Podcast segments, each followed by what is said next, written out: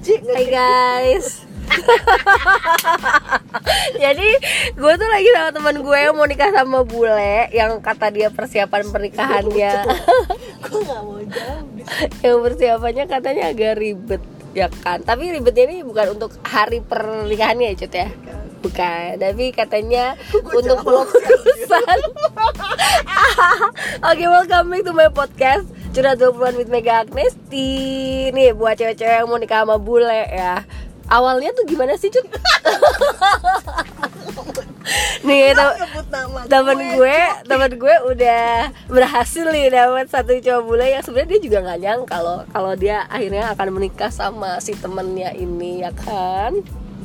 Kenalan dulu dong. Namanya siapa sister anaknya pemalu anaknya pemalu Eh, ini live apa enggak? enggak Ah, lah nanti lo edit. Nanti bisa diedit. Nama instagramnya perlu nggak nih? Jangan, ntar pada banyak follow gua. Najis. kan nanti kalau mereka nanya tentang dokumen nggak usah. Ah, nggak apa gini aja. Lu cerita jangan tanya jawab. Tapi lu cantumin boleh kalau mereka mau nanya-nanya. Karena gue merasakan susahnya mencari informasi. Oh, oke. Jadi gitu guys, kata kata temen gue yang disebut mawar aja ya. Mawar ini. Eh jangan lu tayangin begini ya Loh, ke- kenapa sih? Jadi harus gimana nih aku menayangkannya? cerita aja Oh, guys, gini, gini, gitu tapi nanti lu rekam lu matiin Gak bisa aku tuh. bisa jadi gue tadi Iya, gue ceritain ya. Enggak gitu, gue tuh tadi cerita ketemu sama temen gue gitu. Hmm, Terus lu ceritain pengalamannya dari tadi dia cerita. Dari, dari tadi dia cerita sih begini begini begini begini gitu loh, Ci, maksudku. Ya gitu-gitunya tuh gimana? Gue kasih pertanyaan dulu kali ya, Cut, ya. ah, Maksudnya kita tanya jawab dulu aja gitu kan. Kayak lo gimana sih? Eh, gue nggak mau denger cerita romantismenya lu sih. Tapi when it comes when it comes to the wedding day, kan gak, gak gampang ya ngurusin apa tuh namanya administrasi pernikahan sama ya sebenarnya sama orang Indonesia aja juga ribet gitu beda beda daerah kan pakai surat izin menikah dulu pakai domisili domisilian apalah sebenarnya gue juga nggak paham sih karena belum pernah ngurus ya kan? Nah tapi kalau mau kawin sama bule tuh sama ekspat lah ya jangan sama bule. Jadi kalau mau nikah sama ekspat apa aja sih yang harus disiapkan? Karena kayaknya beda negara tuh beda persiapannya gitu. Iya. jawab dong gila Sebetulnya tuh tergantung balik lagi ke negara masing-masing. Kalau Oke.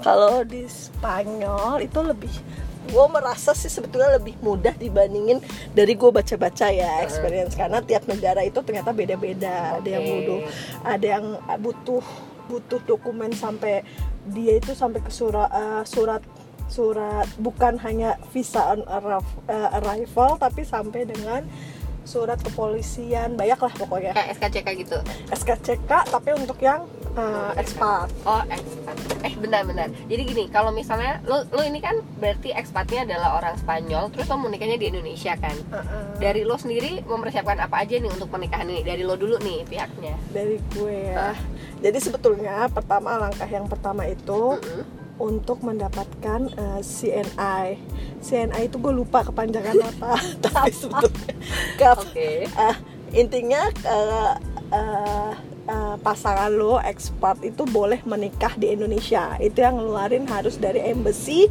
eh, eh, apa negara asal calon suami lo di Indonesia nah Oh. untuk mendapatkan surat itu panjang ya lo udah kayak mau ke KUA tuh ngurus-ngurusnya dulu jadi lo ke RT RW dulu Ini yang ngurusin lo. gue Heeh. jadi dari sisi gue dulu ya dari untuk men- lo. untuk bisa ke embassy dulu gue ngurusin eh, surat keterangan apa ya Ci gue lupa lagi ah surat keterangan gue tinggal di mana terus gue mau menikah pokoknya intinya gue harus mendapatkan N1 N2 N4 Itu untuk pernikahan Indonesia ya?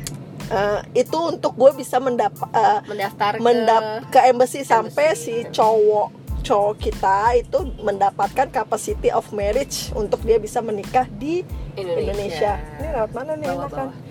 Yakin lu bawah? Iya, bawa lah. Bawah Oh, lo terus mau belok kiri terus muter balik. Ah, enggak, gue pengen belok kanan malahan tuh ke situ. Oh, ya atas berarti atas. atas tapi aja. macet ya. Iya baik bawah aja. Kalau bawah? Eh, maaf guys, kita lagi-lagi jalan-jalan guys. Dan ini mbaknya nggak tahu arah dan tujuan hidup.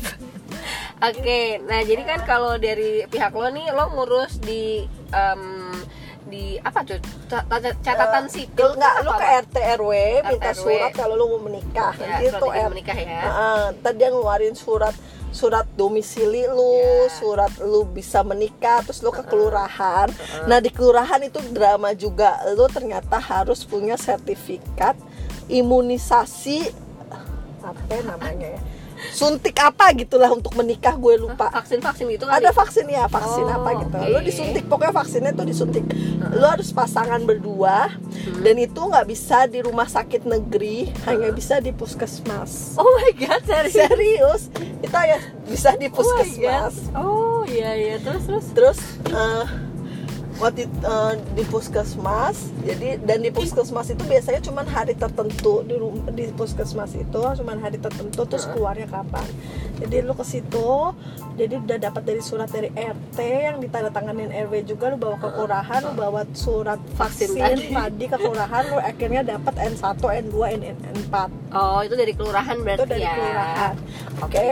Terus semua dokumen lu Heeh. N1, N2, N4, kakak lu eh, surat keterangan domisili lu Heeh. sama eh, surat surat untuk embassy bahwa lu akan menikah dengan warga negara dia itu ditranslate ke bahasa Spanyol, bahasa setempat. berarti ya, Oke. Oke. akhirnya lu berarti harus ke pen- ke sworn eh, apa namanya translator dulu penerjemah tersumpah terus dia Oh translate God, bahkan penerjemahnya harus penerjemah Iya. tersumpah dan gila, itu nggak nggak murah ya satu halaman. Itu 300 ribu. Oh my god. Dan itu lu paling nggak mungkin 10 sampai 12 halaman lah ya. Itu translate Wow. pertama. Itu baru translate ya? Itu baru translate pertama. Terus abis Hmm. itu lo ke eh, nah kalau yang dari cowoknya itu singet gue dia surat keterangan masih single. Dari dari, kelurahannya dari dia di kelurahan di sana. Masih single tinggal di mana sama eh, ada tiga satu lagi masih single tinggal di mana sama oh akta lahir. Angka lahir. Sama sertifikat buat ya, Ci, harusnya kita muter di sono ya. Iya Tosha ya. Udah udah terlanjur di sini. Gimana? Belok kiri aja nanti depan. Ya terus abis itu udah kan semuanya kan kalau di sono kan pasti udah dalam bahasa Spanyol kan udah dalam bahasa dia. Dibawa tuh ke embassy. Nah yang gue baca baca ya untuk eh, lu lu ke sana nunjukin sampai lu akhirnya dapat jadwal interview Heeh. sama konsulernya itu bisa enam bulan. Makanya gue waktu itu datangnya lama-lama tuh jauh-jauh hari. Heeh. ternyata makanya balik lagi tergantung dari embassy-nya ada yang benar-benar enam bulan dan yang tiga bulan nah kemarin dia langsung bilang oke ini sudah komplit semua gue cariin jadwal lu untuk interview Oh, bentar-bentar. Jadi kan lu bawa N1, N2, N4, Empat. terus si pasangan lo juga bawa surat yang keterangan-keterangan tadi, Uh-uh. dikumpulin semuanya jadi satu di Uh-uh. embassy Spanyol yang ada di Indonesia. ya betul Oh, oke. terus habis itu lu dijadwalin nah cuman setelah lu setelah lu menikah eh setelah lu interview lu akan dapat surat capacity of marriage kan nah surat capacity of marriage itu berlaku hanya enam bulan lu harus nikah Waduh, 6 bulan gila. Oke. Jadi akhirnya waktu itu gue udah datang ke embassy nggak jadi gue ngas- ngajuin karena ternyata gue udah langsung dapet schedule. Gue ngasih hari Selasa waktu itu gue inget banget. Hari Kamisnya gue udah dapat schedule untuk langsung interview. Dimudahkan ya, Bu. Iya. Akhirnya gue nggak jadi karena itu masih setahun dari jadwal gue nikah kan. Jadinya akhirnya gue nggak jadi. Nah Terlalu bersemangat ibunya. Terus terus. terus Men ini macet banget gila. Terus terus kan berarti lu akhirnya mengundurkan dulu tuh untuk Hmm, masukin suratnya. Heeh. udah terus ternyata uh, uh, udah gue nunggu cuman kan surat-suratnya itu kan bertahan tiga bulan ya. Sampai Masing-masing surat bulan keterangan tadi ya? ya gue nggak jadi ya kayak gue ke embassy lagi empat bulan. Nah dia ngambil ngurus lagi surat dari Spanyol untuk di submit lagi ke embassy. Itu Ribet ya hidupnya ya. ya itu kesalahan di gue sih. Heeh. karena gue baca-baca kan harus enam bulan makanya gue jauh-jauh hari. Nah makanya balik lagi tuh ke embassy masing-masing. Ada yang memang syaratnya lo harus harus nikah eh harus mempersiapkan satu tahun sebelumnya. Hmm. Atau tergantung gitu. Nah kebetulan Spanyol eh, embassy Spanyol tuh baik banget menurut gue sih. Kalau dari gue baca-baca dia termasuk kategori yang baik lah karena cepet banget dia ngebantuin prosesnya. Oke, atau mungkin banyak orang Indonesia yang eh nggak banyak orang Indonesia yang kawin sama Spanyol kali cut. Enggak juga sih pas gue waktu itu ngeliat Heeh. pas gue yang pertama gue ngeliat jadi kan setelah lu interview nama lu akan dipajang tuh di Wow, luar pengumuman biasa. di embassy. selama dua 14 hari nah ada yang protes atau enggak kalau ada yang protes lu nggak bakal bisa nikah tapi kalau misalnya nggak ada yang protes lo bakal dikua- dikeluarin surat itu capacity of marriage itu Oh, berarti nanti nggak ada drama di altar ya. Betul. gitu. Nah pas gue ngeliat sih waktu itu ada ber- pasti setiap gue ke sana tuh pasti ada yang lagi ditempel ada yang mau nikah gitu. Ya gue nggak tahu sih seberapa. Balik lagi sih tergantung eh, apa namanya? Tergantung ridho Tuhan kepada kita semuanya untuk bisa menikah segera atau tidak. Lah.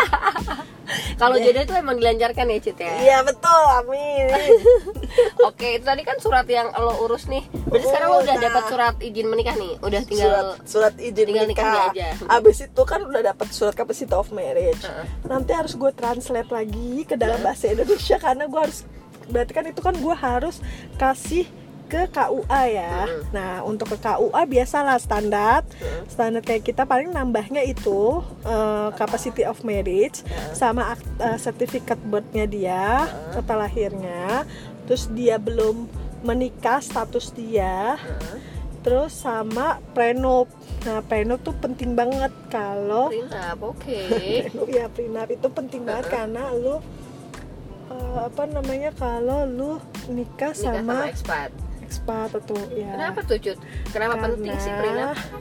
karena kalau misalnya lu sudah menikah berarti status lu akan ditreat sebagai WNA juga. Nah, WNA itu ada rulesnya adalah lu nggak boleh punya properti saham atau apa pun kepemilikan di Indonesia. Jadi misalnya once misalnya lu sekarang udah punya rumah atau nantinya lu pingin punya properti atau lu punya reksadana atau lu punya saham itu nggak bisa. Jadi lu harus segera disuruh menjual gitu gitu. Atau misalnya lu nanti punya warisan itu nggak bisa. Oh, Jadi ya, akan Kok. dianggap jadi milik negara. Serius? Iya serius itu, itu akan dianggap jadi milik negara. Jadi better lu punya itu. Benar. Heeh, jadi bukan bukan berpikir lu nanti ngebatasin ngebatasin eh, Tentang perceraian atau apalah-apalah gitu ya. perceraian atau tentang lu nanti jadi ah nanti gua nggak punya nggak bisa punya harta mereka atau gimana atau lu nggak bisa nanti lu tinggal di sana. Iya kan maksudnya kayak gitu kan. Tapi lebih ke situ sih kan Untuk ini ya, untuk kepemilikan aset kita sendiri di Iya, Indonesia sini, ya. Betul. Oh gitu. Jadi misalnya nih Cut, kalau gue sebagai WNI kawin sama WNA, berarti langsung otomatis kita ditreat sebagai WNA gitu. Ya, jadi pajak-pajaknya pun lu akan ngikut pakai pajak WNA.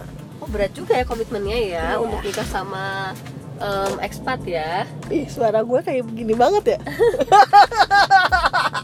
Oke oke. Nah di prenup itu sendiri lo isinya apa sih Cut? Lebih ke apa? nah, gitu balik lagi poin-poinnya? itu tergantung apa Heeh. yang mau lu show. Heeh. Sebetulnya kan kalau ada yang bisa lu nge-show sampai nanti anak lu eh, anak sampai anak sampai bener-bener penghasilannya sampai ben, prop sampai dengan harta propertinya. Kalau gue itu hanya eh, mengatur tentang properti aset aset dan properti dan anak. Oke, berarti aset dan properti lo yang bisa lo beli di Indonesia kah? Atau yang pemisahan harta pemisahan harta. Pemisahan pemisahan harta, ya. harta sebelum dan sesudah. Jadi kalau misalnya nanti atas gue beli rumah atas nama gue jadi itu akan jadi punya gue. Beli rumah calon suami gue akan jadi punya calon suami gue gitu. Jadi misalnya uh, bikin usaha mau uh, punya saham atau mau main apa itu atas nama uh, masing-masing yang tertera di aktanya atau di sertifikat pas pembelian Oh, Gitu. jadi gitu misalkan nih lo sebelum menikah kan lo udah punya rumah nih. Heeh. Artinya itu bisa menjadi milik lo seterusnya kan? Iya itu akan jadi milik gue kalau gue nggak pakai prenup itu jadinya Milik negara itu tadi. ya gue harus menjual dalam waktu berapa puluh tahun gitu Oh, sini, Bo. Hah? Eh, apa sih? nggak tahu Sini. sini enggak dong Oh iya, ya udah sana sana. Awas ya kalau salah lagi. Oke. Jadi kalau soal prenup sebenarnya berarti ini eh, untuk me- apa ya? Hak hak terkait warga negara Indonesia ya kalau kayak gitu iya bukan pada eh, kayak langsung Intinya lo warisan bakal- gitu gitu kan Iya kalau warisan kalau misalnya lu lu lu nggak ada prenup Heeh. terus lu dapat warisan Mm-mm. ya warisannya itu lu harus segera jual atau jadi hak milik negara Hmm. Karena sebetulnya WNA itu tidak boleh memiliki aset properti aset apa pun ya di Indonesia. Sebetulnya itu baik tujuannya lu melindungi. Kalau misalnya nggak digituin nanti orang-orang ekspor tuh beli beli rumah beli tanah gitu. Yang sebetulnya kan kurs mereka lebih besar lebih tinggi ya daripada ekspor kayak nanti jadinya maksudnya semua properti Indonesia dimiliki mereka sebetulnya tujuannya itu mati lu anjir Kenapa sih motor depan? hmm, baik. Oke, paham gue sekarang. Berarti prenup itu cukup penting ya untuk WNI yang mau nikah dengan WNA karena ini lebih terkait sebagai hak-hak kita sebagai warga negara Indonesia dan juga nantinya mungkin ke anak kita juga nggak sih? iya betul nanti anak di situ lu bisa juga lu atur misalnya nanti kalau dia lahir dia mau jadi warga negara mana Hmm. atau ya nggak usah lu atur atau paling kalau kalau gue sih nggak ngatur itu ya karena Iya. nanti Biar nanti diko- sendiri. dikondisikan lah sebetulnya dikondisikan lebih baiknya di mana gitu cuman mungkin karena gue cewek dan gue egois once terjadi apa apa-apa itu anak jadi punya eh maksudnya jadi hak asuhnya di gue itu gue atur Oh, kayak itu gitu lo gitu atur. Oh, nice. kayak gitulah Oke. Nah, terus apalagi ya pertanyaan gue terkait sama prenup ini? Nah, misalkan nih lo punya harta bersama, let's say lo beli rumah lah ya. Atas nama berdua gitu bisa nggak sih di Indonesia? nggak bisa harus kan kepemilikannya satu Oh, tetap tapi satu. lu bisa misalnya patungannya itu lu lu lu lu apa namanya ya lu perjanjian di luar perjanjian Adendum lah sendiri ya. aja gitu Oh. Sendiri aja misalnya mau Heeh. mau oke nih ya kalau misalnya gini dia mau beli rumah di Hmm. Indonesia Hmm. pakai duitnya cowoknya Mm-mm. tapi kan dia nggak bisa kan atas nama dia kira atas nama ceweknya Heeh. Nah itu jadi nanti misalnya once amit-amit terjadi eh, perpisahan Heeh. itu jadi hak milik wanita. Oh. Nah, kalau lu misalnya lu Gue kan beli udah rumah di sana juga ya sama kayak gitu. di misalnya lo beli rumah di Spanyol gitu ya. Heeh. Sebagai lo di Spanyol juga dianggap WNA dong, iya nggak? Atau setelah lo menikah sama orang Spanyol lo automatically jadi warga negara Spanyol? Nah balik lagi beda negara. Ada yang Heeh. negara bisa punya dua keluarga negaraan. Nah di Ya. Spanyol itu pas cuman kayak Indonesia jadi hanya boleh satu keluarga negaraan. Oke. Jadi eh, apa namanya? Eh, gue nanti decide sih. Jadi misalnya gue eh, mau tetap jadi WNI atau gue berubah jadi WNA itu terserah gue. Tapi Oke. untuk menjadi WNA nanti misalnya gue mau jadi eh, apa namanya? mau berubah gitu jadi nah, nggak jadi WNI jadi warga negara Spanyol itu gue paling nggak butuh waktu lima tahun sih Ya. kayak gitu Tapi nanti eh, kalau misalnya lo WNI ini sekarang statusnya lo nggak beli nggak bisa beli properti apa apa ya di Spanyol ya sama ya? iya Oh, I jadi pakai neg- negara dia eh eh, tapi beda negara beda-beda ya bisa Heeh. juga walaupun dia WNA WN, WNI gitu kan berarti diteritnya sebagai WNA di sana kan itu bisa juga punya properti Properti. tergantung negaranya Iya. masing-masing. I betul see. sekali. Nah, kalau udah kekumpul tuh cut dokumen-dokumennya tadi eh, untuk masuk ke KUA, Heeh. udah termasuk prenup itu udah ter- tinggal nikah aja atau ada lagi nih yang lain? Eh, ya lu ngurus kayak misalnya lu nikahnya di di kelurahan yang sama atau enggak kalau Ah. enggak kan berarti lu dapat izin numpang nikah di tempat yang beda itu lu urus lagi ini tuh lu harus ngurus apa ya kemarin tambahannya karena gue belum ngurus ya baru gue dapat sertifikat. Gue baru dapat ibu pemalas ini masih kurang berapa bulan lagi loh bu? Enggak pemalas masih tiga bulan Oh, cukup. tiga bulan, nanti kan oke. memang di akhir bulan atau awal bulan depan itu emang udah mulai ngurus. Tapi yang sebetulnya bikin lo deg-degan itu sebetulnya segala hal yang terkait sama embassy itu ya yang lebih bikin em, menyita pikiran dan waktu ya nggak? Mm, atau. KUA kita justru KUA kita malah. Jadi gue Oh, kemarin KUA ke KUA kita. ya. Itu ditulisnya adalah gue harus ke imigrasi. Ya salah ya enggak gue harus ke imigrasi untuk mendapatkan surat bahwa dia tinggal di sini. Lah? terus gue bilang gue nggak tinggal gue eh dia nggak tinggal di sini. Dia hanya di sini numpang nikah. Sih apa, apa sih? sih? Mobil belakang kesel. Jadi dia hanya cuma numpang nikah doang. Terus gue ke KUA ditelepon dipaksa. Akhirnya gue ke imigrasi. Gue udah ngantri dari pagi siang-siang imigrasi. Cuma bilang kita nggak pernah ngeluarin surat itu. Heeh. tahu gue juga nggak ada sih. Gue langsung ke KUA lagi dan then KUA nya bilang oh iya ternyata nggak ada ya. Ya udah visa on arrival aja. Kok sampah orang tahu? Kocak ya emang ya. Kocak banget sumpah. Itu eh, ya itu makanya karena minimnya informasi ya. Dan sampai gue sudah dua kali ke KUA di situ ada keterangan. Mereka tuh bahkan nggak tahu apa yang ditulis itu sebetulnya maksudnya apa surat keterangan imigrasi itu maksudnya apa? Siapa aja. Bahkan gue pernah sampai ini gue ngotot-ngotot di situ adalah surat lapor pajak. Bahwa dia sudah melunasi pajak. Nah terus gue bilang loh dia nggak kerja di Indonesia gue harus ngelaporin apa pajak dari sana gitu. Tapi emang lu berlaku emang lu ngerti bahasanya. Dia tetap kekeh ya udah gue mintain ternyata itu enggak itu yang hanya untuk bekerja di Indonesia. Kayak gitu gitu sih. Oh, oke oke. Selamat datang. Ya pak selamat jalan dan terima selamat jalan jadi lumayan kocak ya untuk kepengurusan yang di luar embassy ini karena Iya, memang sebetulnya yang paling parah Heeh. itu malah di eh, KUA-nya kalau gue merasa ya. Karena belum experience ya belum Iya. experience tapi juga nggak tahu peraturannya tapi juga nggak baca. Yang ada kita sendiri sebagai calon pengantin yang diribetin. Iya, malah embassy Oh ya lu kalau misalnya mau ke embassy lu harus sering-sering telepon, lu sering-sering email. Calon lu juga harus sering-sering telepon dan email ke ke embassy yang ada di sini. Supaya nama lu tuh nama lu dan nama calon lu tuh keinget gitu mereka petugasnya jadi lu tuh langsung oh pas lu datang kan kalau ke embassy kan lu ribet ya. Heeh. tuh misalnya lu tahu oh gini pasti langsung dikenal tuh jadinya Lebih enak mudah. lebih gampang gitu. Jadi lu harus sering-sering lah telepon ya.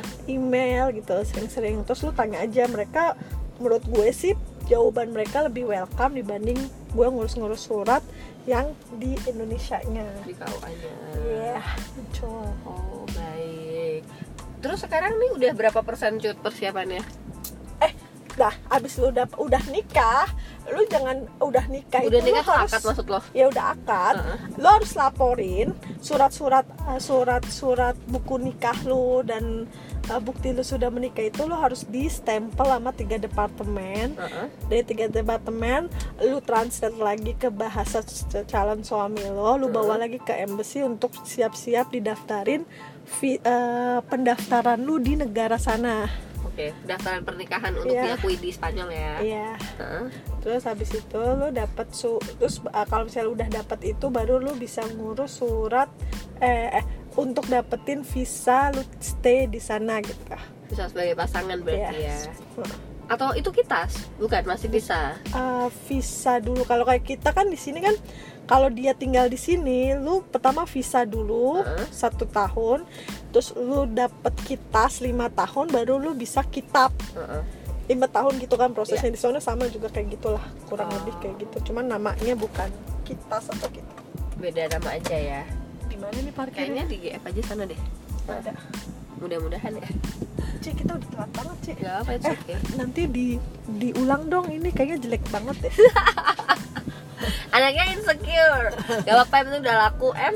Oke terus udah gitu udah nih. Lo udah berapa persen sekarang persiapannya? Persiapannya gue udah dapet sertifikat itu capacity of marriage. Habis itu nanti gue translate dulu.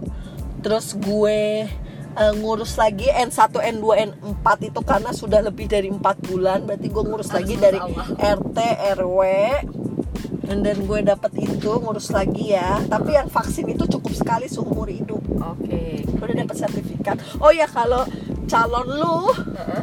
itu non muslim di KUA nggak boleh harus ada dia mualaf. Oh. kecuali kalau itu berarti lu nikahnya nggak bisa di KUA tapi di catatan sipil kalau dia nggak mualaf. Jadi lu oh tetap bisa dua beda agama dong?